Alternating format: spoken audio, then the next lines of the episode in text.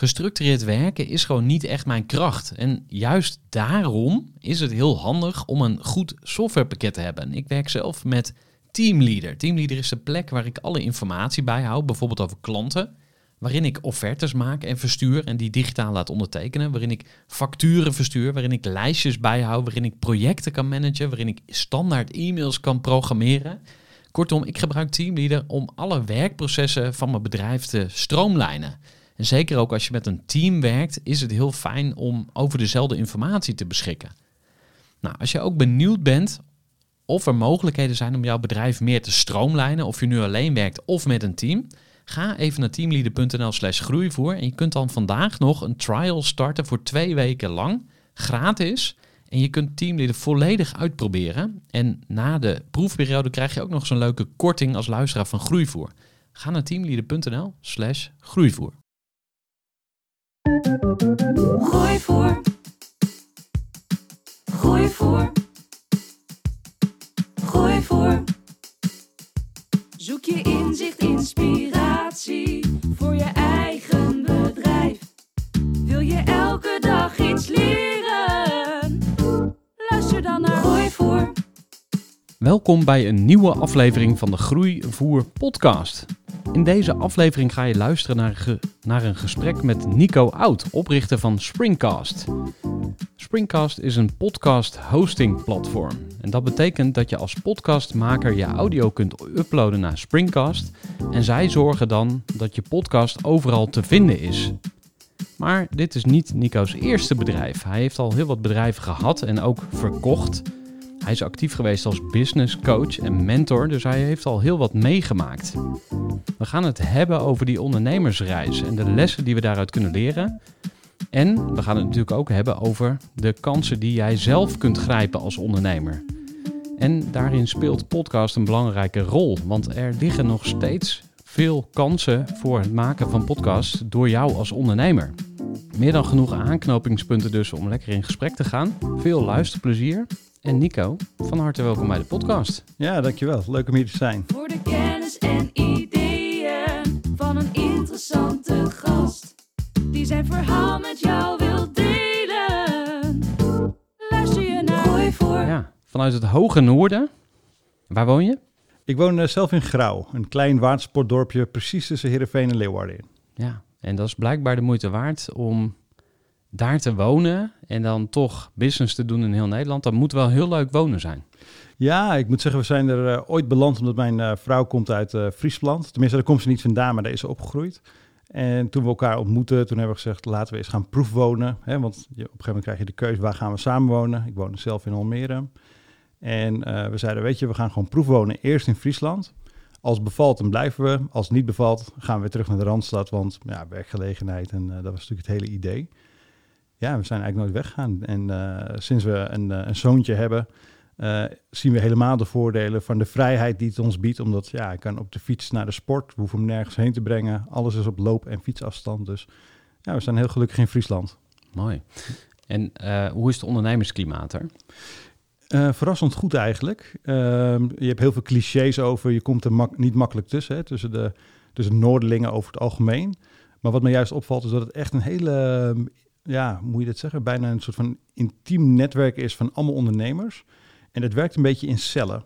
Dus je komt bij iemand aan tafel, die vindt je aardig en die brengt je in een nieuwe cel. En die introduceert je binnen allemaal mensen binnen die cel. Dus ik denk dat je zelfs daar beter een netwerk kan bouwen dan dat je zou kunnen in de Randstad. Als je helemaal van scratch begint als het ware. Ja.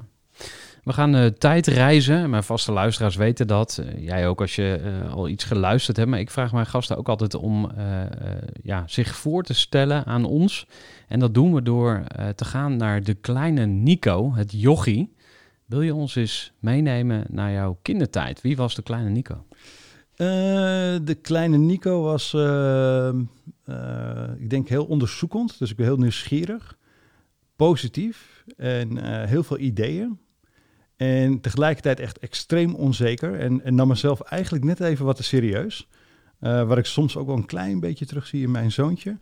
Dus eh, dat was de Nico van toen. Dus ik was altijd bezig met ideeën. En eh, ik kwam ook altijd in de problemen door mijn ideeën. Want het ging ook heel vaak fout natuurlijk. Hè. Als kind heb je natuurlijk soms ideeën waar je natuurlijk nog niet helemaal over ziet waar het gaat eindigen. En wa- wat moet ik dan voor me zien? Ja, van het, het begint natuurlijk met spelen, met een hut bouwen op een plek die nou ja, niet heel erg veilig is of zo. Hè? In de bouwputten, want ik ben opgegroeid in Almere. Dus ja, we liepen op de petroleumvaten en daar, er waren we ook vuurtje aan het steken ertussen. En nee, mijn moeder zegt wel eens, je kan er een boek over schrijven. Dus eh, nou laat zeggen, als het misging in Almere, dan was ik vaak in de buurt of betrokken. Dus eh, het was, eh, het was in die zin, ja, er was genoeg inspiratie om ook nou ja, in dat soort situaties terecht te komen. Eh, maar ook gewoon hele leuke dingen. Dus ik was altijd heel ondernemend met, met dingetjes bedenken om geld te verdienen of eh, t-shirts te verkopen. Dus ik ben altijd wel heel actief geweest met heel veel dingen. Meestal niet succesvol, maar wel heel leuk. Dus, eh, Ja. En je ouders? ja, ouders, we zijn opgegroeid in een gezin met ouders die nou ja, heel hard hebben gewerkt in, in die tijd ook. Maar wel nog steeds een soort van balans hebben gehad tussen ook het gezinsleven. Dus we hebben eigenlijk een hele, samen met mijn twee broers, een hele veilige, leuke, rustige jeugd gehad. En eh, ondanks dat het ook voor mijn ouders best wel een zware fase is geweest, eh, financieel gezien, ja, wisten ze eigenlijk altijd voor ons ervoor te zorgen dat het ja, gezellig was, dat, we leuk, hè, dat het leuk was, dat we wel goedkope vakanties hadden, maar wel vakanties. Ik denk dat ik voor mijn moeder met name die, eh, echt die, dat optimistische, dat is echt een rasoptimist. Ja, daar heb ik wel veel van, van meegenomen en, en ook overgenomen. Ja, zullen we die eens wat verder uitpakken? Want eh, wat zijn dan de voor- en de nadelen van, van optimisme? Nou, ik denk dat optimisme is dat je misschien eh, kansen groter inschat dan dat ze zijn. Hè, nou, dat is denk ik ook wel ondernemers eigen, maar ik denk als je een, echt, een echte optimist bent, dan, eh, dan zal je dat misschien wat vaker overkomen. Maar ik denk de positieve kant is dat je misschien wel meer durft. Hè, dus dat je risico's durft te nemen, wat eigenlijk ook weer hoort bij ondernemerschap. Dus er zijn een hoop mensen die aan mij wel eens vragen van ja, hoe ben je eigenlijk succesvol geworden? Want als je kijkt naar mijn opleiding, nou laat zeggen, er zijn vroeger behalve mijn creativiteit weinig tekenen geweest van dit gaat helemaal goed komen. Maar ik zeg altijd, ik ben gewoon vooruitgevallen. En dat komt gewoon omdat ehm, als je positief kan blijven op het moment dat het fout gaat, dan kun je ook openstaan om te leren van wat er fout is gegaan. En ik denk dat ik daar altijd heel eh, nou ja, positief naar heb gekeken, ook naar falen. Waardoor ik denk ook heel snel heb kunnen groeien. Ehm, is er een eigenschap die je van je vader hebt die jou helpt in het ondernemen? Nou, dus, dus je hebt zeg maar dingen die je van nature goed afgaan. Nou, dat is denk ik mijn moeders kant, dus positief, optimistisch. En van mijn vaders kant heb ik juist meer geleerd om juist ook wat meer realisme toe te voegen aan de mix. Eh, dus dat, dat is meer het stuk waar ik me heb moeten aanleren. Dus je merkt ook als het over nou ja, zakelijke ideetjes gingen, vaak wordt op verjaardagsfeestjes nog wel eens het grapje gemaakt. Dat ik tijdens mijn VO, hè, voortgezet onderwijs, schooltijd, eh, mijn vader vertelde, ik ga koekjes verkopen eh, en iemand heeft me beloofd dat ik daar 10.000 gulden per maand mee ga verdienen. Nou, dat wordt nog steeds als een soort van anekdote op verjaardagsfeestje verteld. Ja, die, die flipte daar helemaal de pan uit, want die dacht, ik weet niet wat er in die koekjes zit, maar dan ga je geen 10.000 gulden mee verdienen. Dus dat botste toen heel veel. En, en ik, nu zie ik ook waarom, want ja, er zitten heel veel learnings ook voor mij in om, nou ja, ook hoe positief ik ook over een idee ben, om ook eventjes als mijn vader te denken. En even te kijken van, oké, dit is de positieve kant, maar er zit ook een realistische kant aan, wat is die? Eh, wie zijn nog meer eh, mentoren of raadgevers of eh, ja, adviseurs geweest in jouw leven waar je nog steeds ja, positief op terugkijkt of ja, iets van geleerd hebt? Ja, dat is wel ehm, dat is heel mooi. Kijk, ik denk dat eigenlijk iedere key person wa- waar ik mee te maken heb gehad in mijn carrière heeft, kan ik zo terug herleiden wat ze hebben betekend. Maar ik denk als je kijkt eh, waar echt voor mij een kantelpunt is geweest, waarin ik eh, nou ja, echt hele goede stappen heb gemaakt, is ehm, allereerst mijn vrouw. Dat klinkt heel clichéachtig, maar ik zeg altijd, zij geloofde in mij voordat ik in mij geloofde. Eh, zij was iemand die heel duidelijk uit, echt vertrouwen in mij uitsprak van jij bent slim, jij kan alles en ik weet zeker dat jij succesvol gaat worden. En ik denk als je dat in een partner hebt, ja, dat is echt meer waard dan elk persoonlijk ontwikkelingsboek wat er bestaat. Ehm, en ik weet ook nog eh, heel duidelijk, Alex van Ginneken is eh, ook een, eh, een oud collega van mij als business coach. Eh, en dat was iemand toen ik mijn eerste bedrijf had verkocht. Ja, dat was niet helemaal tegen de prijs wat ik had gehoopt. Dus nou, dan heb je altijd een soort van ja, wat negatievere mindset had ik toen op dat moment. En ik ging met hem lunchen en ik was wat aan het mopperen. En hij was eigenlijk degene die zei, doe eens gewoon positief. Je hebt je bedrijf verkocht. Er zijn heel veel mensen die nu met je willen samenwerken. Weet je, pak die opportunity. Dit gaat je zoveel opportunity opleveren. En ik liep naar buiten en ik dacht, ja, hij heeft gelijk. En ik merkte meteen van, oké, ik moet even mijn mindset veranderen. Nou, hij heeft gelijk gehad. Het was echt anders aan tafel zitten bij mensen. Gewoon vertellen, nou, ik heb een bedrijf verkocht. Ga nu op zoek naar iets nieuws. Ik ben op zoek, ben gewoon aan het verkennen. En met een hele positieve insteek die gesprekken voeren. Nou, dat heeft me echt zoveel opgeleverd. Nou, ik denk dat dat een, eh, een kantelpunt ook in mijn carrière is geweest. En ehm, ja, eh, Edwin Dijkstra is bijvoorbeeld een bekende. Heeft bij jou in de podcast gezeten. ja, inderdaad. Dat is bijvoorbeeld weer iemand die, eh, die me juist weer heel erg op het pad van investeren heeft gebracht. Dus niet investeren als in bedrijven, maar op de beurs. Om, ja, ook als je freelancer bent, om toch nou ja, iets te bouwen wat groter is dan jezelf. Eh, waardoor je toch een soort van pensioen kan gaan bouwen. Dus ik denk dat dat wel weer een heel belangrijk kantelpunt is geweest voor mijn eigen personal finance stuk. Eh, los van het feit dat hij me ook weer in een nieuw netwerk heeft gebracht, wat nou ja, uiteindelijk weer heel veel heeft opgeleverd. Heb je ook wel eens, eh, ja, ik noem het even valse profeten eh, ontmoet? En ik moet hem even een klein beetje toelichten. Wat ik ermee bedoel zijn mensen die jou een advies hebben gegeven, wat je hebt opgevolgd. En waarvan je achteraf ontdekte van, hé, dat was eigenlijk helemaal niet het juiste advies. Ik had naar mezelf moeten luisteren. En je hoeft natuurlijk geen namen te noemen, maar ben je wel eens van pad geraakt door het verkeerde advies? Ja, ik, denk dat het eh, bijna continu gebeurt. Zelfs nu nog. Ik denk dat het heel moeilijk is. En, en eh, ja, er zijn heel veel mensen die goed bedoeld je adviezen geven. En, en ideeën op je projecteren. Of misschien zelfs eh, zeggen dat je iemand bent die je misschien niet helemaal bent of zo. En ja, ik denk dat het de struggle eigenlijk van iedereen is. Tenminste, in ieder geval voor de meeste mensen is dat denk ik echt een struggle om je eigen pad te blijven volgen. Ondanks adviezen en ja, misschien wel stigma's die op je ja, geplakt worden als het ware. Ja, Ja, het is misschien zelfs wel de zoektocht. Want ehm, zonder de adviezen en de stigma's en de, de dingen die mensen o- op mij geprojecteerd hebben, was ik waarschijnlijk ook niet geweest waar ik nu ben. Dus ergens voelt het misschien ook wel weer juist alsof het misschien wel je taak is om het gewoon aan te nemen, te onderzoeken, maar dan uiteindelijk wel je eigen kompas te creëren. En ik wil niet zeggen dat ik daar perfect in ben trouwens hoor. Het is echt, het is, ik zou zeggen nog steeds de struggle van vandaag is inderdaad echt durven vertrouwen op je kompas. Maar ik denk wel dat, het, dat, eh, dat je het ook niet kan negeren. Dus helemaal geen noise is ook niet goed.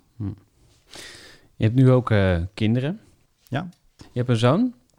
En is er dan eh, iets wat jij hem nu al doorgeeft, wat je ouders jou weer hebben gegeven? Zijn er bepaalde lessen waarvan je denkt, nou, die zijn zo goed, die geef ik nu alvast door? Ehm, nou, ik denk dat de belangrijkste les die ik ooit heb gehad van mijn moeder was, ze zei altijd tegen mij van je kunt alles bereiken wat je maar wil, als je er maar zelf in gelooft. Nou, dat is de enige les die ik hem doorgeef. En voor de rest, ja, hij heeft ooit een keer, toen hij heel klein en naïef was, heeft hij me gevraagd van, eh, wat gaan jullie mij eigenlijk als erfenis nalaten? En zei ik, het geld gaan we allemaal opmaken, hoeveel het ook is. We maken het allemaal op of we doneren het. Maar wat je wel krijgt, allemaal boeken en daar staat het allemaal in. Dus we geven hem vooral mee dat hij het A zelf moet doen. Ehm, en dat je heel veel kunt leren van anderen door boeken of coaches of mentoren of iets dergelijks. Ja. En je vertelde net in ons voorgesprek dat hij nu in de ban is van allerlei biljonair coaches en ja, ik noem het dan de bling-bling coaches of eh, de dropshippers die dan in, eh, ja, in de hele dure auto's rijden. Hoe, hoe kijk je daarnaar? Want dat vind ik wel even een leuk subtopic. Nou, kijk, hij, hij, hij, ehm, hij denkt succes te kunnen aflezen aan de bezittingen van de vloggers die hij volgt. En dat zijn met name ook gewoon de, de bekende vloggers als Enzo Knol en, en dat soort mensen. En eh, wat ik hem vooral probeer uit te leggen is van, hè, dat, dat het bezit van iets niks zegt over hoe gelukkig of vermogend of welvarend iemand is. Hè, dus dat het hooguit, hè, dat de meeste, nou niet de meeste, maar veel YouTubers misschien wel zelfs starten met een lening. eh, daarmee een auto leasen. Vervolgens daarmee geld verdienen met mensen die hopen dat ze ooit zo'n auto kunnen rijden. Dus ik probeer vooral realisme toe te voegen, want ja, weet je, eh, ik hou ook van auto's en ik vind het mooi om naar te kijken en dat mag hij ook. Alleen je moet het wel kunnen zien voor wat het is. En, eh, en dat is gewoon entertainment en hij moet ook snappen hoe dat werkt. Interessant. Ehm, ja, we hebben al eh, een beetje kennis kunnen maken met je natuurlijk. We hebben al eh, wat, wat, wat eh, interessante onderwerpen aangeraakt. Maar we moeten het ook, ja, eigenlijk om jou nog beter te begrijpen, hebben over ehm, eh, je achtergronden. Dus ik, ik wil iets weten over wat je gestudeerd hebt, heel Mhm. kort. Ik zou graag willen weten over je carrière, ook kort. En dan de bedrijven die je verkocht hebt. Mhm. Ehm, maar wat heb je gestudeerd? Eh, ik ben eh, na het voortgezet onderwijs, eh voortgezet onderwijs, daar heb ik VBO, heette het toen volgens mij, verkoop en administratie gedaan. Daarna ben ik eigenlijk meteen gaan werken. Dus, dus zoals ze dat vroeger noemden, ben ik laag opgeleid. Dat is tegenwoordig, hebben ze dat gelukkig een beetje gereframed. Maar ik ben laag opgeleid als je kijkt naar de standaard waarmee ik natuurlijk de wereld in ben geschoten, zeg maar. En ben vrij snel het leger ingegaan. Dus, Hm. Uh, ik merkte wel dat school is echt iets wat echt niet bij mij paste. Zeker toen niet, maar eigenlijk nu nog steeds niet.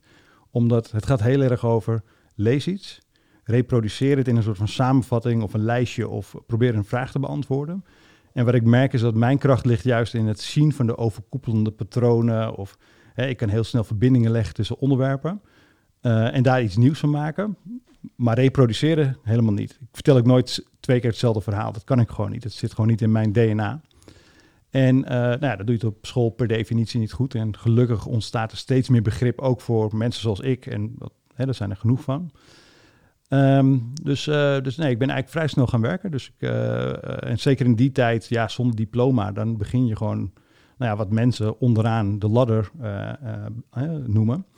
Dus ik denk dat ik heel lang in, in magazijn heb gelopen, couriersbusjes heb gereden. En ja, toen was mijn doel, ik wil een baan op kantoor. Nu weet ik hoe saai dat kan zijn, maar je moet wel specifieker zijn. Ja. Maar ja, dus, dus ik ben echt, uh, ik, ik, denk dat ik echt van, van onder naar boven ben gekropen, maar wel, nou ja, uh, heb genoten van het hele proces. Ja. En je ging in loondienst. Uh, hoe lang heb je dat gedaan? wat was je leukste baan en wat was nou echt het meest droevige wat je. Um, het meest droevige was echt in een magazijn werken waar geen licht was. En dan de grote puinzakken die je kent van verbouwingen, die vaak worden opgehaald door vrachtwagens de hele dag vouwen. Nou, dat is volgens mij de enige baan waar ik echt zonder gedag te zeggen ben weggelopen. En waarschijnlijk de enige werkgever waar ik niet zomaar op de koffie mag komen. Uh, en het leukste is, ja, ik, ik, denk, ik heb eigenlijk altijd wel genoten van alle, alle banen die ik heb gehad. Uh, maar ik heb bij Sigma Coatings gewerkt, uh, een verffabrikant. heet tegenwoordig PPG. Ja, dat was gewoon, ja, ik kwam, dat was eigenlijk de eerste keer dat ik echt in een cultuur kwam met hele leuke mensen, waar we hele leuke projecten deden en waar ik ook echt nou, zelf heel erg groeide. Um, uiteindelijk daar ook wel weer een burn-out gehad. Want ja, op een gegeven moment worden de projecten zwaarder en uh, kom je ook, loop je ook tegen je eigen grenzen aan. Maar het was echt een hele leuke tijd. Dus daar kijk ik uh, met heel veel plezier uh, naar terug. En ja, eigenlijk is dat het kantelpunt geweest waarbij ik daarna eigenlijk ben ik de internetwereld ingerold. Omdat ja, dat is gewoon iets wat ik mijn hele leven een soort van fascinatie voor heb gehad toen het bestond. Eigenlijk vanaf de dotcom-bubbel, toen het allemaal in het nieuws kwam ja, was ik eigenlijk al bezig met websites maken in Dreamweaver en allemaal dat soort ouderwetse tools. En uh, ja, dat was gewoon iets waar ik s'avonds eigenlijk altijd mee bezig was. Dat is ook meteen de stap naar het ondernemerschap. Maar nog even terug naar die burn-out. Hoe oud was je toen je die kreeg? Um, ik denk een jaar of 26 ongeveer. 26, 27.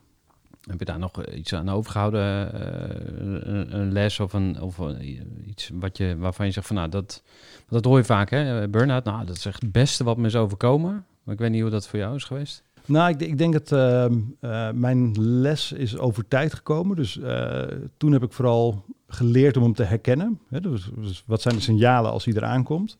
ik denk dat, ja, ik moet als ik kijk naar hoe wij nu mensen aannemen, dan neem ik liever iemand aan die al een burn-out heeft gehad, dan mm. iemand die hem nog niet heeft gehad. Omdat ik weet, die gaat hem herkennen en die trekt op tijd aan de bel, want ja, dat wil je gewoon niet nog een keer. Wat zijn de tekenen dan? Ja, dat is voor iedereen anders. Maar kijk, ik, waar ik achter ben gekomen, dat is de belangrijkste les, is, je hebt heel veel mensen die zeggen burn-out bestaat niet. Nou, ik ben geneigd om dat te geloven. In de zin van dat ik, dat ik denk van als je echt iets doet waar je hart ligt en dat je het leuk vindt met de juiste mensen, dan kun je eigenlijk, dan heb je unlimited energy. Echt unlimited. Maar krijg je een verkeerde baas die je het leven zuur maakt of uh, vind je je werk eigenlijk helemaal niet meer leuk of inspirerend of wat dan ook, ja, dan krijg je eerder een board-out. Dat is volgens mij ook zo'n term die je steeds vaker hoort. Dus daar geloof ik meer in. Ik denk dat je dan, ik denk dat je heel veel aan kan als je de juiste dingen doet met de juiste mensen. Ja. Dus je had die burn-out. Ging je daarna ondernemen of heb je nog een tijdje... Ik heb daarna nog een paar loondienstbanen gehad, dus bij een internetbureau. En uiteindelijk, toen ik naar Friesland ging, heb ik een tijdje bij mijn zwager gewerkt. Um, en dat was allemaal in loondienst. En uh, ik, ja, toen mijn zwager, die had een product in het onderwijs. Nou, dat kreeg niet helemaal de tractie die het nodig had. Ja, en dat is eigenlijk het moment dat ik eigenlijk voor de tweede keer ben gaan ondernemen. Want ik heb ook een bedrijf gehad toen ik 19 was en dat ging niet zo goed. Dus daar ben ik ook uh, nou ja, soort van failliet gegaan. Nou, laat zeggen, altijd wel terugbetaald, maar wel failliet. Um, dus dat was eigenlijk de tweede keer ondernemen. En dat is een beetje het bruggetje geweest vanuit loondienst. Even een korte onderbreking met een belangrijke vraag aan jou. Want wat heb jij geregeld voor het geval je van de ene op de andere dag zou komen uit te vallen? Wat gebeurt er dan met je bedrijf, maar vooral wat gebeurt er met jou persoonlijk en ook in financieel opzicht?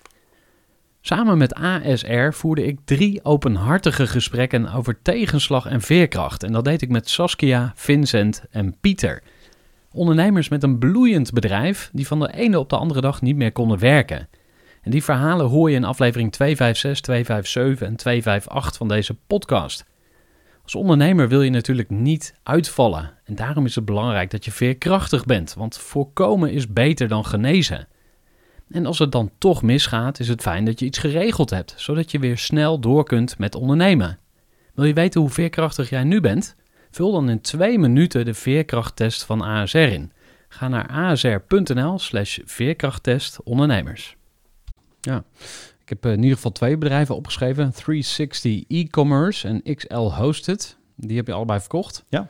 Dat klinkt wel cool, hè? Als je iets verkoopt. Uh, want je zei het net al, van je was jezelf een beetje omlaag aan het praten. Want je had, weet ik veel, eh, miljoenen of tientallen miljoenen verwacht. Uh, ik weet niet waar, waar, je het voor verkocht hebt. Um, ik wil eigenlijk een andere vraag stellen. Welk bedrijf dat je opgericht hebt, heb je, kijk je met de meeste plezier op terug? Ja, toch, toch wel uh, 360 e-commerce en XL Hosted. Die heb ik allemaal de, allebei in dezelfde tijd opgebouwd. Was eigenlijk ook min of meer één bedrijf.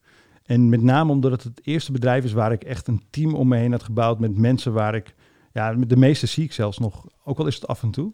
Dus uh, ik denk dat bijna iedereen die daar gewerkt heeft, met name het team van het begin, daar heb ik nog steeds contact mee.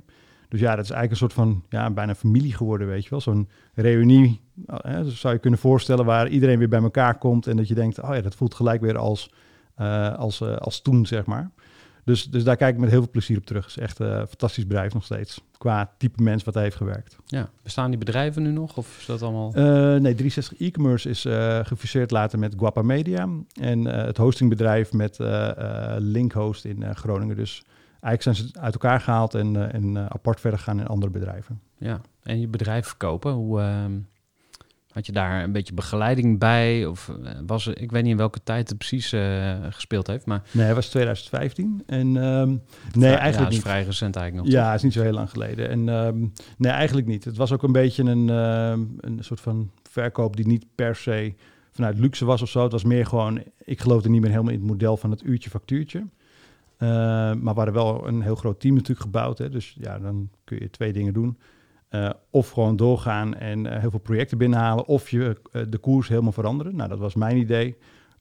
ik wilde er meer een SaaS-bedrijf van maken, à la Shopify of iets dergelijks. maar mijn fannoten die zagen nog steeds veel heil in de projecten. Dus die hebben mij uiteindelijk uitgekocht. Dus, dus het is niet een heel proces geweest met, met allerlei advocaten en weet Due ik diligence en noemt allemaal Nee, het is ja. bijna koelhandel geweest van nou, als jij dit betaalt, dan stap ik er wel uit en dan kan ik dit doen en dan kunnen jullie dat doen. Ja, ja. Nou, lekker overzichtelijk. Um, je ging ook coachen.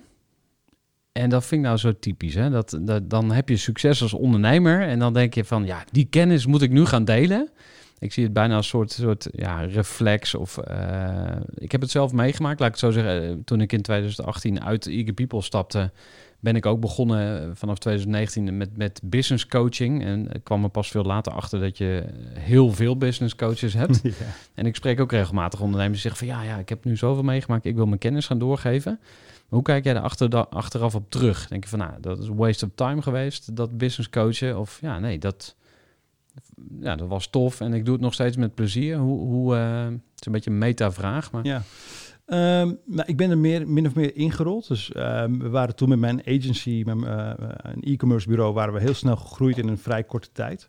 Dus ik werd eigenlijk gewoon door een paar mensen uit de regio gevraagd van, joh, zou je ons gewoon eens af en toe met een paar adviezen willen helpen uh, om hetzelfde te doen. Dus ik ben eigenlijk zo een beetje erin gerold. En eigenlijk had ik een marketingbureau op dat moment, want ik was vooral heel veel bezig met marketing automation en funnels. En daar was ik eigenlijk een agency in aan het bouwen.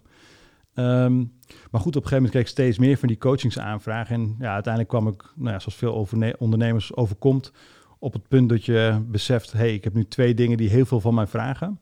Uh, ik moet gaan kiezen om focus aan te brengen. Um, en toen heb ik uiteindelijk gekozen voor coaching, omdat ja, het was iets nieuws, hè, want een bureau had ik al gehad. Uh, er zat een stukje purpose in, want persoonlijke ontwikkeling is ook iets wat ik heel leuk vond en wat je natuurlijk in e-commerce niet per se kwijt, uh, kwijt kunt. En um, ja, ik ben gewoon, uh, ik heb toen gekozen voor coaching en dat was eigenlijk maar 10% van mijn omzet.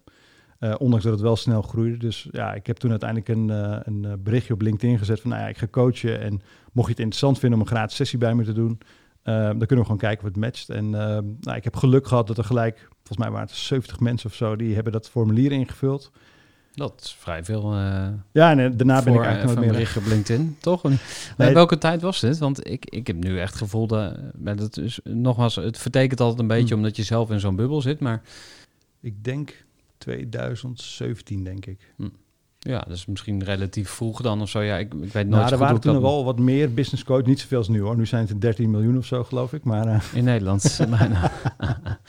ja, er zijn sommigen al heel lang bezig. Tony Robbins, ja, noem hem, ja, hoe moet je dat noemen? Maar die is al 40 jaar bezig. En Amerika eh, Ja. heeft een traditie hierin natuurlijk. Hè, want Tony Robbins was ook niet de eerste. Nee.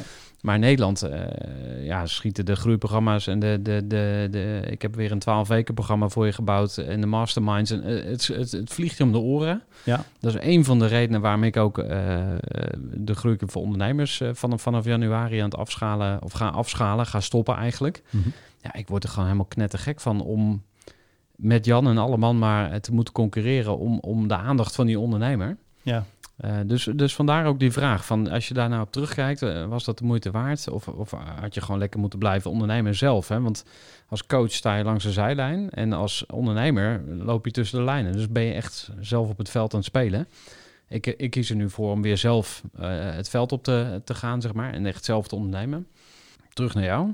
ja, als ik Jij kijkt er wel goed op terug eigenlijk. Ja, zeker, zeker. Kijk, en kijk, ik heb, ik heb gemengde gevoelens bij die programma's waar jij het over hebt. Hè? Want we, je ziet natuurlijk genoeg coaches die eh, nou, misschien een boek hebben gelezen, hè? vaak uit een hele andere hoek komen. eh, en vervolgens eh, ondernemerschap gaan onderwijzen, terwijl ze nog nooit voor de coachingspraktijk een onderneming hebben gehad. Dus daar heb ik heel lang frustratie bij gevoeld. En ook inderdaad heel lang getwijfeld van ja, moet ik mezelf wel business coach noemen? Moet ik het anders gaan noemen? Of ben ik iets anders?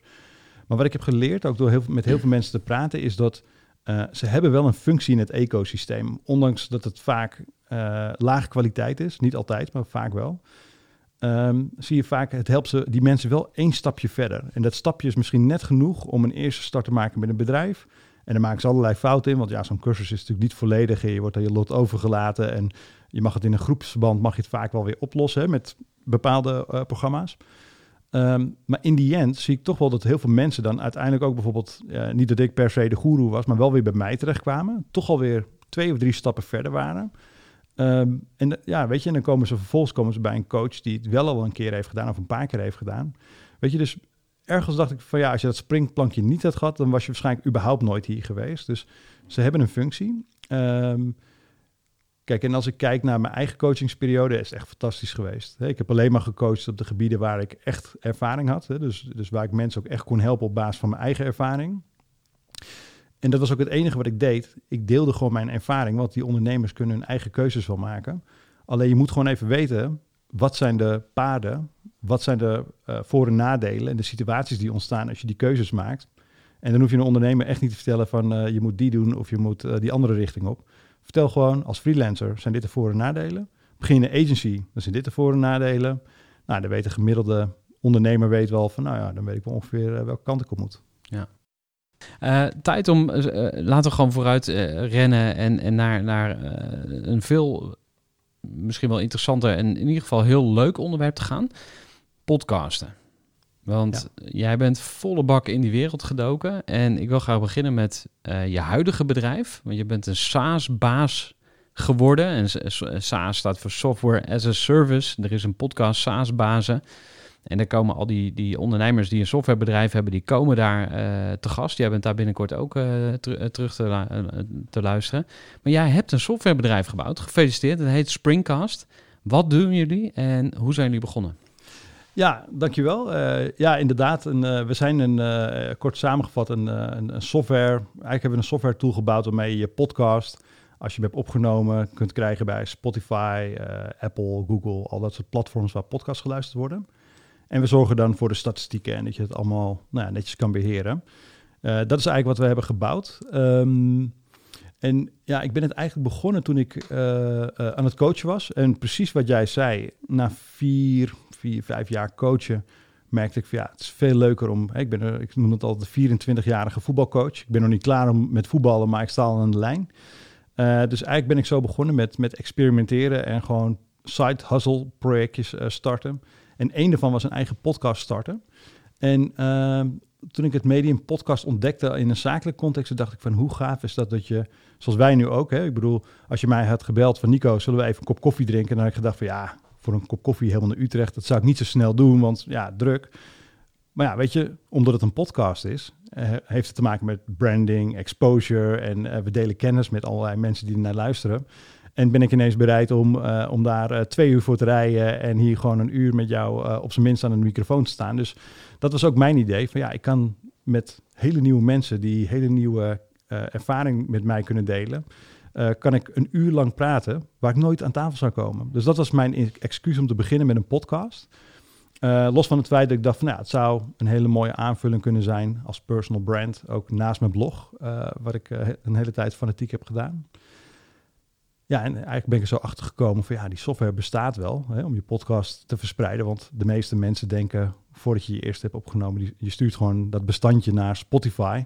Maar ja, dan blijkt je hosting nodig te hebben en software. Nou ja, dus ik gewoon op zoek, net als heel veel anderen. En toen kwam ik alle Amerikaanse partijen tegen en ik zag niemand doet het in Nederland. Nou ja, zo kwam eigenlijk mijn speeltuintje, de podcast, ja, leidde eigenlijk tot mijn volgende opportunity. En eh, eh, dat was eigenlijk waar ik naar op zoek was. En dat is eh, uiteindelijk Springcast geworden. Dus ja, en het groeit eigenlijk vanaf dag één eigenlijk heel goed. Dus Ja. Eh, even voor de podcast nerds eh, onder ons, er zijn er misschien niet zoveel, maar met welke eh, platform ben je begonnen? Waar heb je voor het eerst je podcast nog geüpload? ik denk dat ik meerdere accounts heb aangemaakt. Dus ik denk zeker Anchor. Ehm, maar dat vond ik toen iets te minimalistisch qua features. En uiteindelijk denk ik dat ik bij Buzzsprout tot de conclusie kwam van dit is beter, maar niet wat ik zoek. En toen dacht ik van wie doet het in Nederland? En toen dacht ik, wow, Hier is een opportunity. Opportunity ja, spark. Ja, nou, ja, ik zit bij Bus Sprout. Het wordt eh, tijd dat je me over de streep trekt om eh, bij jou te komen natuurlijk. Er is volgens mij nog een partij in Nederland, Riverside. Ken je denk ik ook wel. Die eh, zit in Amsterdam. En die nemen ook video op. Dus dan, die hebben eigenlijk een remote video opname tool. Dus er, er gebeurt meer in dat Nederlandse ecosysteem. En ik denk altijd van ja, als je een app wil bouwen, dat, dat, is, dat kan gewoon eigenlijk niet. Hè? De gewone sterveling kan dat niet doen, want je hebt gewoon heel veel geld nodig. En je moet iets weten van IT. En nu gaan we luisteren naar hoe jij begonnen bent. En met wat voor budget en hoe je het gefixt hebt. Vertel eens. Nou, laat ik beginnen met bevestigen dat dat beeld wat jij hebt, had ik ook. Hè. Als je dit, nog nooit hebt gedaan, dan, eh, dan voelt het echt als een mega onderneming van hoe ga je dit in hemelsnaam voor elkaar krijgen als je het nooit hebt gedaan. Eh, en als je het eenmaal hebt gedaan, dan denk je altijd, zal je altijd zien achteraf van als ik dit eerder had geweten, dan nou ja, was ik eerder mee begonnen. Nou, uiteindelijk is het heel simpel. Ehm, ik zeg altijd, ik zei het straks ook al tegen jou, als je het kan tekenen en kan beschrijven hoe het werkt, dan kun je gewoon ergens op de wereld iemand vinden die dat voor nou ja, afhankelijk van hoe groot en complex het is, tussen de paar honderd tot paar duizend euro voor je kan bouwen. Eh, en als je het heel klein houdt, is het heel overzichtelijk. En ja, ga dan gewoon proberen om te kijken of je idee aanslaat. En ik denk dat eh, de, de grootste drempel is om, om er voor het eerst eh, geld in te stoppen. Dat is denk ik de, de, de grootste angst die ik zelf ook heb gevoeld. Dus dan ga je het altijd proberen met mensen op te lossen met barter deals van... Ja, als jij het doet, dan krijg je ook een beetje van de omzet of eh, ik breng je iets anders. En ik denk dat daar heel veel ideeën stranden, omdat dat nooit, nou ja, vaak niet een hele eerlijke deal is. Omdat iemand, vaak de programmeur, het werk upfront moet doen en moet hopen dat het goed komt. Dus het voelt heel fair om daar gewoon gelijk geld in te investeren. En dat is de eerste keer dat ik dit heb gedaan met dit, eh, met dit product. Hoeveel, hoeveel eh, budget had je, of heb je uitgegeven? Eh, laat zeggen, het minimale product van Springcast kost ongeveer 6000 euro. Oké, oké. Ja, ik moest net ook al lachen, maar nu weer. Want je, bent dus, je had een idee voor een, eh, een podcast eh, platform. En je bent dat met 6000 euro begonnen. Dus dat, toen had je versie 1 had je te pakken. Ja. In je eentje. Ja. Oké. Eh, en dat heb je laten bouwen op, eh, via, eh, door iemand via Upwork. Nee, dat zou kunnen. Ja. Dus dat heel af en toe hebben wij nu een soort van klein projectje en dan gebruiken we Upwork. Mhm. In dit geval heb ik het gedaan met een, een freelancer die ik zelf kende al, zelfs heb gecoacht. En dat is nu onze huidige CTO. Maar dat is iemand die, ja, die was gewoon heel goed in MVP's bouwen. Dus dat was bijna zijn ding. En die heeft het toen echt in een paar weken voor ons doorheen geramd. En, en ja, toen stond er iets wat we konden gaan testen. Ja, en om het goed te begrijpen, wat krijg je dan precies? De- de- in welke taal wordt het gebouwd? Eh, gewoon echt even voor, voor de, de totale nitwit zoals ik. Nou, kijk, wat je natuurlijk ziet is een nieuwe trend. Dat noemen ze low-code of eh, no-code. Ja. Ehm, nou, eigenlijk maak je dan gewoon gebruik van bestaande technologie. En ik denk dat ons, eh, ik weet dat ons eh, eerste platform was gebouwd op WordPress in combinatie met nou ja, best wel veel plugins en eh, ook wel wat maatwerk natuurlijk. Maar daarmee kun je dus al een heel eind komen en, eh, en in ieder geval starten. Dan kun je in ieder geval de basisfunctionaliteit testen, feedback verzamelen van de gebruikers eh, en kijken of het aanslaat. En is er dan een, een bepaald platform waar je dan... want ik moet even denken aan Mendix. Ik heb ooit die ehm, eh, CEO geïnterviewd, Derek Roos. En eh, dat is ook zo'n zo'n ja, bouwpakketbedrijf, waar, hè, dus low-code. Dus je gaat niet zelf coderen, maar je gaat iets in elkaar zetten. Eh, hadden jullie zoiets van... eh, of heb je een tip van, oh, je moet dat gebruiken of iets anders? Of Nou, vind je dat lastig? Ja, vind ik lastig, omdat wij hebben het aan WordPress gedaan, omdat dat toevallig heel goed past. Hè? Want eh, ja, een podcast werkt met een RSS-feed. Nou, WordPress kan dat, maar goed, dan moet je het allemaal verrijken en allemaal moeilijke dingen doen met statistieken. Dus er komt nog wel wat bij kijken. Hm. Ehm, maar als je kijkt naar die eh, low-code platforms, heb ik uiteraard ook naar gekeken.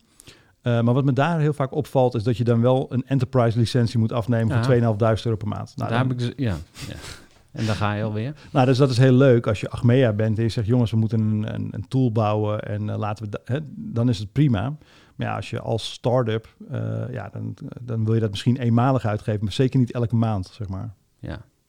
En eh, we hebben het nu al over bouwen, hè, maar als je even een paar stapjes teruggaat, dan eh, een van de eerste vragen die mensen natuurlijk altijd stellen is van, ja, maar het bestaat toch al? Of is er niet al een app die het doet? En als je gaat googlen, dan kom je vrijwel altijd iets tegen wat erop lijkt. En dan heb jij nooit gedacht van, nou, dan, laat dan maar zitten. Want dat, gevoel bekruipt mij dan wel eens van, ja, ik heb een idee voor een app. Net als de rest van Nederland, die iedereen wel eens een idee voor een app. En dan ga je googlen en dan bestaat het misschien al ergens en denk je, nou, laat maar. Ik, eh, dus eh, hoe was dat voor jou? Ja, eh, het is een hele natuurlijke reflex. En ik, ik weet het toen, in toen ik werkte in het bedrijf van mijn zwager, toen hadden we eigenlijk een heel innovatief product voor het onderwijs. En hij had zo'n hele ouderwetse coach toegewezen gekregen vanuit de Kamer van Koophandel. En hij had altijd twee uitspraken. Hij zei, het spel heet geld. Dus daar moet je heel goed in worden, het, het geldspel. En het andere was, hij zei, pioniers komen terug met pijlen in hun rug. Dus probeer niet juist eh, dat gat in de markt te vinden, want dat lukt maar weinigen. Eh, en je hebt enorm veel geld en tijd nodig om eh, iets in de markt te zetten wat, waarvan mensen nog niet beseffen dat ze het nodig hebben. En ik denk dat ik ehm, juist daardoor met mijn hostingbedrijf, waar ik ben gestart, ehm, ja, de hostingbranche is natuurlijk de, de markt die al ontploft is sinds de internetbubbel.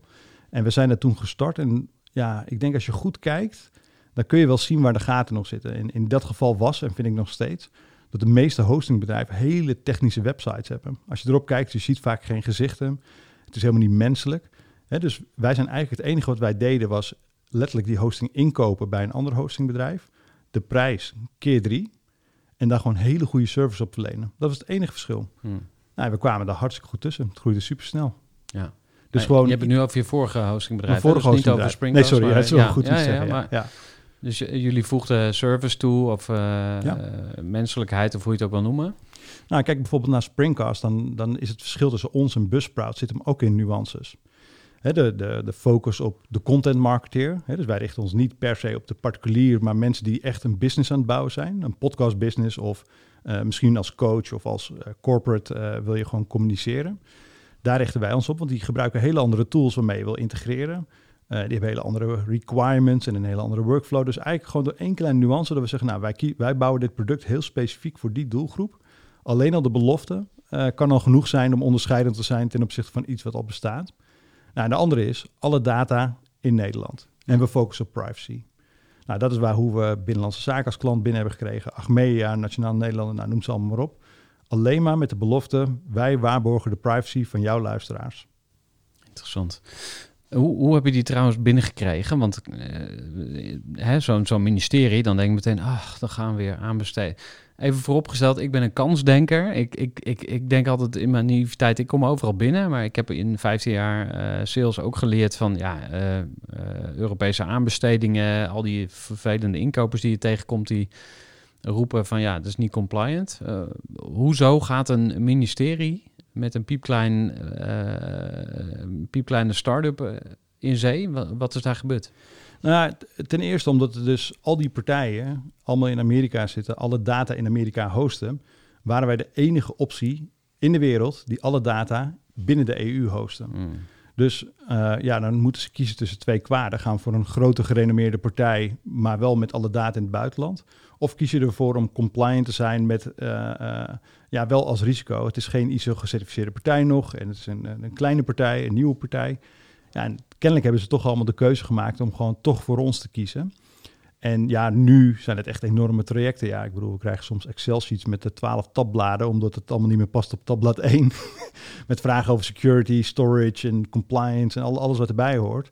Maar daar kun je voor kiezen om daar goed in te worden. En wij hebben daar gewoon iemand voor, een externe privacy en compliance officer, die dat allemaal voor ons begeleidt. Ja. Je bent met 6000 euro uh, begonnen. Waar sta je nu?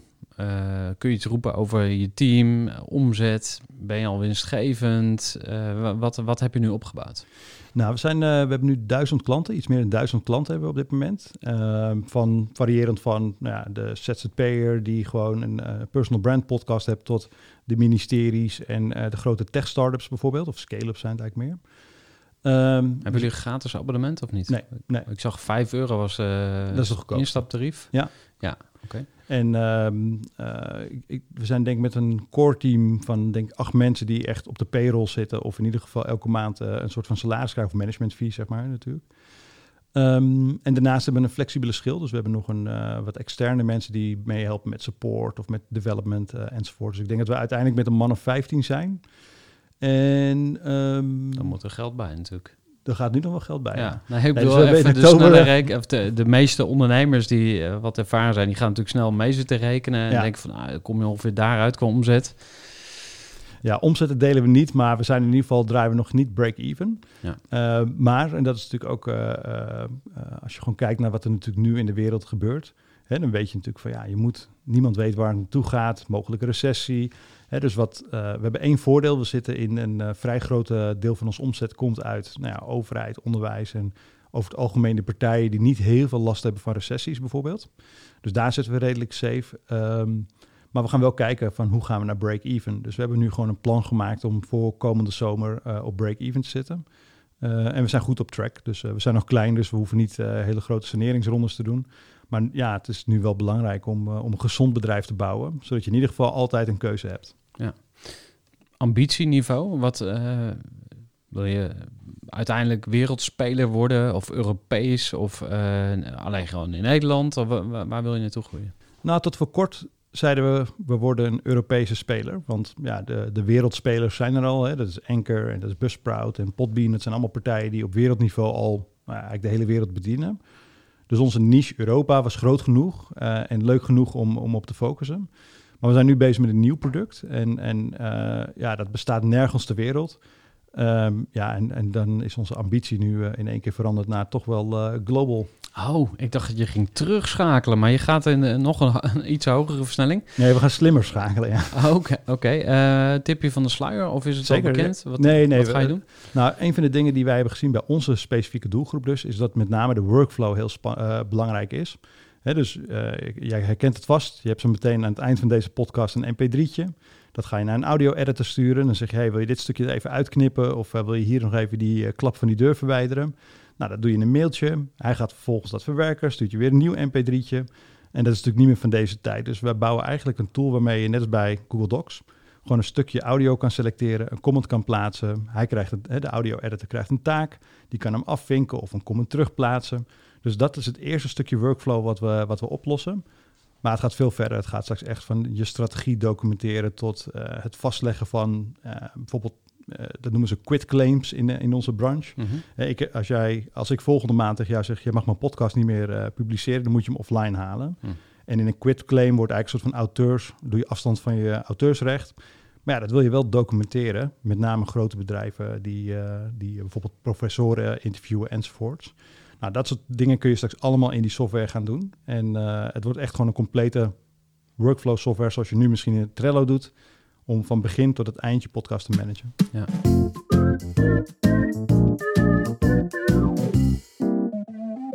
Waarom zou elke ondernemer dan een podcast moeten hebben? Nou, kijk, ik, als je marketeer bent of eh, je Google Analytics wel eens hebt bekeken, dan weet je dat als je op je blog mag je blij zijn als iemand na twee minuten je blog heeft gelezen. En het maakt niet uit of je dan een blog hebt van 1000 woorden of 7000 woorden. Twee minuten, 2,5 minuten is het max wat je van iemand krijgt als het om tekst gaat. Kijk, en met een podcast ligt het tussen de, is de bereidheid om je content te consumeren tussen de 40 en de 60 minuten. Hè, dus waar je vroeger snel to the point moest komen boven je blogbericht, eh, heb je nu gewoon 40 minuten om ja, iemand van ik heb geen idee dat ik een microfoon nodig heb, tot aan nu weet ik hoe ik hem moet gebruiken en ik weet dat ik jouw microfoon moet gebruiken. Dat kun je allemaal in één, ja, in één aflevering kun je iemand helemaal meenemen in de awareness piramide, zeg maar. Oké. Ehm, want bloggen was ooit ook nieuw. Nu doet iedereen het en misschien zijn mensen ook alweer aan het afhaken. Heel veel mensen beginnen ook even en stoppen dan weer. Maar je, je hebt het, nou, ik heb dan het gevoel van, oké, er is een soort verzadiging. Hè? Dus eh, op- er wordt zoveel content gemaakt. Dat, er zijn nooit genoeg mensen of uren in de dag om dat te consumeren. Maar je zou eigenlijk kunnen zeggen dat podcast staat ook nog een beetje aan het begin. Dus vroeger was bloggen nieuw. Eh, dat is nu helemaal mainstream. Nu is podcasten nieuw. Dus dit is het, momen- het moment om op de trein te springen. Nou ja, je, of is zou dat bijna, overdreven? nou, je zou bijna kunnen zeggen van, zijn er, genoeg, zijn er nu te veel websites om er nog één te bouwen? Of Hmm. zijn er genoeg blogs om geen blogs meer te schrijven? Of is er, zijn er zoveel YouTube-channels dat je nu geen YouTube-channel meer moet starten? Ik denk nog steeds, ondanks dat er, weet ik veel hoeveel YouTube-channels er zijn, nog steeds ruimte is voor die ene specifieke met een andere invalshoek, met een andere persoon. Dus ik denk dat er nooit genoeg podcasts kunnen zijn. Ja. Dat geloof ik niet.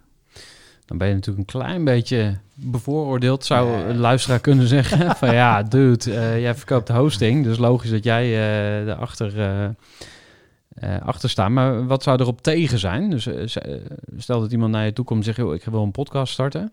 Heb je ook tegenargumenten? Je zegt van, nou, dat zijn niet de juiste redenen. Of eh, je, je moet het wel doen, maar zorg wel dat je hè, bepaalde dingen op orde hebt. Want er is natuurlijk een enorme Ja. brei aan podcasts eh, van lage kwaliteit, waar niemand of heel weinig mensen naar luisteren. Wa- Wat is jouw advies? Nou, kijk, ik denk dat zeker, zeker vanuit zakelijk perspectief zou ik zeggen, weet je, ga het wel gewoon op zijn minst proberen. Als je het interessant vindt of je hebt tijd over of je bent toe aan een soort van aanvulling, probeer het op zijn minst. En ja, of je het moet volhouden, dat is de business case die iedereen voor zichzelf moet maken qua kosten en eh, rewards. Maar ik denk dat het zeker iets is wat je zou moeten proberen om te kijken van ja, is het iets wat, wat aanslaat of niet aanslaat. Kijk, uiteindelijk, eh, het cannibaliseert niet op wat je al doet, zeg maar. En dat is het mooie denk ik van, want uh, mensen luisteren podcasts tijdens het sporten, uh, tijdens het autorijden of in de trein. En het zijn niet de momenten waarop ze normaal gesproken je andere content zouden consumeren. Dus je hebt bijna, het is bijna, je hebt niks te verliezen eigenlijk. Dus ik zou zeggen, probeer het in ieder geval. En probeer niet gelijk af te haken op het moment dat je denkt van, oh, ik heb maar 50 luisteraars. Want het werkt eigenlijk veel meer zoals uh, zoekmachine optimalisatie. Het kost gewoon heel veel tijd om gewoon je publiek op te bouwen. En iedere episode wordt wat succesvoller. En mensen die inhaken op episode 10 gaan heel vaak terug naar episode 1 als het ze bevalt. Hmm. Dus het is ook gewoon even volhouden en dan na een jaartje of zo gewoon weer eens evalueren van, nou, waar staan we nu? Ja. Um, kijk, uiteindelijk bouw je een heel mooi personal brand. Als ik kijk wat voor mensen jij ook in je podcast hebt gehad, hè, dan is dat echt van immense waarde, denk ik, voor je netwerk. En dan is de vraag, hoe ga je dat uh, kapitaliseren? Nou, in jouw geval uh, ja, is, het, is dat denk ik iets wat je kunt doen met die mensen wat je huidige business versterkt. Hè, dus toen ik startte met podcast, dacht ik, ja, als ik mijn personal brand versterk, krijg ik meer coachingsaanvragen of betere of kwalitatievere of iets dergelijks. Dus um, ik denk dat voor een bedrijf zit het nooit in het directe verdienmodel. Tenminste nooit, veel niet. Uh, en is de impact veel groter indirect. Maar als je het wel direct wil doen, er zijn genoeg mensen die echt een, een, een event business bouwen rondom een podcast. Uh, en eentje daarvan is bijvoorbeeld mijn, ook een aandeelhouder in Springcast, is een, een compagnon. dus Jeroen Broekema, die heeft bijvoorbeeld Leaders in Finance. Nou, dat is een podcast heel specifiek nou ja, in de markt van finance. Ja, en die heeft daar een heel bedrijf omheen gebouwd. Dus dat geeft aan wat je kunt doen met een podcast, ook als direct verdienmodel. Ja. Um, ik heb een uh, website, groeivoer.nl. En mensen kunnen daar ook vriend van de show worden. Dus als je naar groeivoer.nl slash vriend gaat, dan kun je donateur worden van de, van de podcast. Dus eh, als je denkt van, ah, ik haal waarde uit deze podcast. Ik ben een trouwe luisteraar. Elke week weer word ik geïnspireerd en, en, en doe ik mijn voordeel met de podcast. Dan kun je daar dus mij steunen als maker. Dus mocht je dat interessant vinden, ga even naar groeivoer.nl slash vriend. Even een lekker reclameblokje erin gegooid. Ehm, ik zit nog te kijken van ja, zal ik eh, sponsoren gaan zoeken voor de show? Hè? Want, eh, ehm, maar goed, ik vind het wel fijn om het, om het ja, puur en zuiver en clean te houden. Dus niet te veel reclame erin. Ehm, heb je ook eh, een advies over video, wel of niet? Want wij doen nu alleen audio. Je zei net ook al, ja, lekker laagdrempelig. Hè? Mensen voelen zich niet opgelaten omdat ze in een tv-studio moeten gaan zitten. Uh, met, een, met, een, met een laag make-up of... Uh, nou ja, dat levert wat meer ongemakken op. Mhm. Maar vind jij dat we juist toch ook altijd video moeten hebben? En ga je dat dan misschien ook in je platform stoppen? Of zeg je van nee, audio only? Nou, wat ik, ik, wat, ik, wat ik zeker zie is dat video en audio die versterken elkaar. Dus ik denk dat audio heeft heel erg te maken met luistermoment. Hè, wanneer wil luisteren, dat is heel praktisch ook uh, aan de luisterkant. Maar video heeft ook wel weer wat persoonlijks. Dat je even de gezichten kan zien. En hè, ik, ik, denk dat um, video en audio gewoon heel dicht naar elkaar toe komen. En um, kijk, we hebben een luie timing met Springcast, met het inbouwen van dat soort functionaliteiten. Omdat we eerst moeten zien waar het heen gaat. Hè, want anders krijg je straks allemaal uh, functionaliteiten die niet gebruikt worden. Maar ik, ik, verwacht wel dat het ergens uh, ons pad gaat kruisen. En ja, dan, ik, ik denk dat het elkaar versterkt. Dus het kan zonder heel goed. Dus je hebt heel veel audio only. Ik denk dat het ook heel krachtig kan zijn. En soms is video erbij een hele mooie toevoeging. Ja. We hebben het eigenlijk uh, over heel veel dingen gehad. Behalve over jouw eigen reis als ondernemer. We hebben natuurlijk al al die tussenstations uh, zien passeren. Maar ik zou nog iets meer daarop willen reflecteren. En um, uh, mijn vraag aan jou is, als je nu terugkijkt op jouw loopbaan als, als ondernemer, wat, wat, is dan je beste beslissing geweest, ever, en je slechtste? Hmm. Um, ik denk dat de, de, de beste is om, ik wil niet, ja, laat zeggen, elke dag te investeren in jezelf. Dus ik, ik, uh, ik journal, ik lees, ik, ik spreek met mensen ook om van mensen te leren. Ik denk dat um, als je succesvol wil worden, wat, ja, er is niks zo veranderlijk als het ondernemerslandschap. Uh, dus je moet echt, echt je perso persoonlijke groei, hè, dat wordt ook overal bevestigd. Hè, door Warren Buffett zegt altijd, de beste investering is in jezelf. Nou, daar geloof ik heilig in, want je moet groeien als ondernemer om iedere stap te kunnen maken. Um, dus de beste beslissing uh, en tip is dus ook een van die mensen die een uh, belangrijke positie heeft, een moment heeft gehad in mijn carrière, is bijvoorbeeld Raymond Klomsma. Die heeft me op het pad gebracht van Audible, de luisterboeken. Want lezen, ja, niet altijd tijd voor. Ik was de hele dag vloog het hele land door. Dus eigenlijk ben ik sindsdien bijna non-stop audioboeken aan het luisteren om mezelf te ontwikkelen. Uh, dus de beste was om daarmee te beginnen en dat echt heel consistent te doen.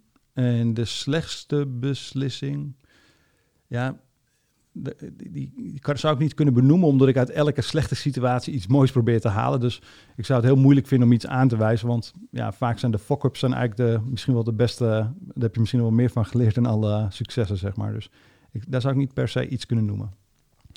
Wat was dan je grootste fuck-up?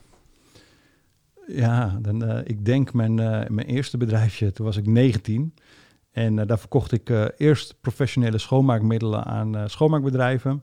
Maar ik kwam er niet tussen, ik was te jong en nou, dat was allemaal niet goed. Ik had niet helemaal goed uitgedacht. En uh, uiteindelijk heb ik het omgebouwd tot wasmiddel huis en huis verkopen. Want ik dacht, niemand wil met die zware pakken sjouwen. Op zich een leuk model. En ik zou zeggen dat die bedrijfsnaam, dat was de grootste fuck-up. Want dat was zeg maar iemand die zei, je moet het het mobiele zeepvrouwtje noemen. Oh man. Ja. En ik ben dus met die, met die nou ja, nu is het slecht advies gesproken, ja, toch? Ja. Nu hebben we geen video erbij, maar anders had je gezien dat ik een kale gast ben met een baard. Dat was toen eigenlijk ook al. En dan kwam ik deur aan deur en zei ik, ik ben het mobiele zeepvrouwtje. Nou ja, je kunt je voorstellen dat het geen goede beslissing is geweest. Dus ik zou, ondanks dat hij het nu heel leuk doet in podcast en verhalen op verjaardagen, zou ik zeggen dat is mijn ja, grootste fuck-up. Nice. Um, we gaan afsluiten met jouw beste ondernemersles of lessen. En eigenlijk, we hebben het er al een beetje, we zitten al een beetje tegenaan uh, ge, geschuurd. Maar als je nou uh, één of twee dingen mee mag geven aan ondernemend Nederland. En uh, ik ga je uitdagen om ja, echt iets dat je echt denkt van daarvan weet ik zeker dat het waar is. Want toen je net even journalen noemde, toen ging bij mij alweer een vlaggetje omhoog van ja, dat is ook weer zo'n zo'n hype, zo'n gimmick van iedereen roept je moet een journal en dan gaat iedereen elke dag een dagboekje bijhouden. Of je moet lezen en dan gaat iedereen boeken bestellen. Of mindset is nu helemaal de shit. Dus iedereen die roept over, snap je? Dus ik probeer, ehm, daar zit bij mij een soort eh, jeuk of allergie en vooral Mm. eigenlijk een behoefte om te weten van wat werkt nou echt Ja, eh, beyond the hype en, en wat werkt nou niet en mag ik dus loslaten. Eh, terug naar jou, Wa- wat is dan volgens jou iets waarvan je zegt van ja, daarvan weet ik echt 100% zeker als je dat doet of dat advies opvolgt, dan nou, komt het goed met je. Ehm, kijk, ik denk dat eh, er is een boek en ook weer alleen de titel. Dus ik ken het boek zelf niet. Ik heb, ik heb hem in mijn boekenkast staan in de titel. Ik denk dat je de, de, de key power als ondernemer is gewoon je moet unstoppable zijn.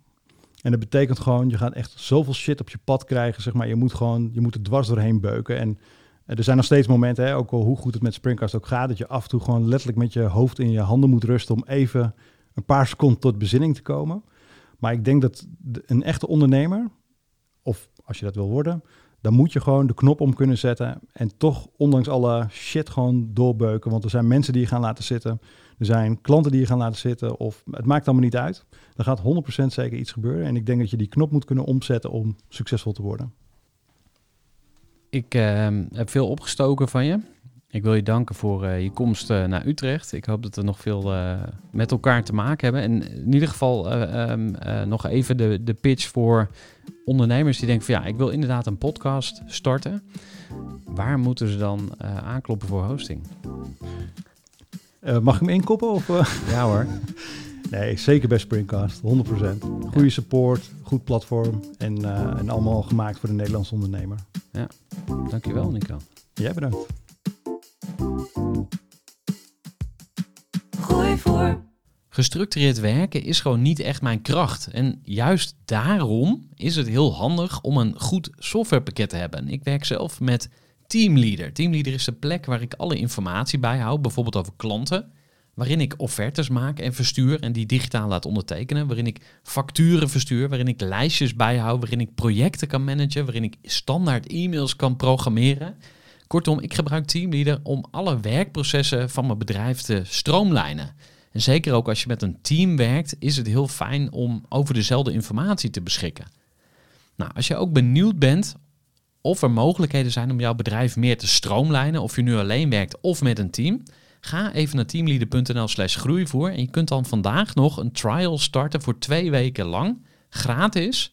En je kunt Teamleader volledig uitproberen. En na de proefperiode krijg je ook nog zo'n leuke korting als luisteraar van Groeivoer. Ga naar teamleader.nl slash groeivoer.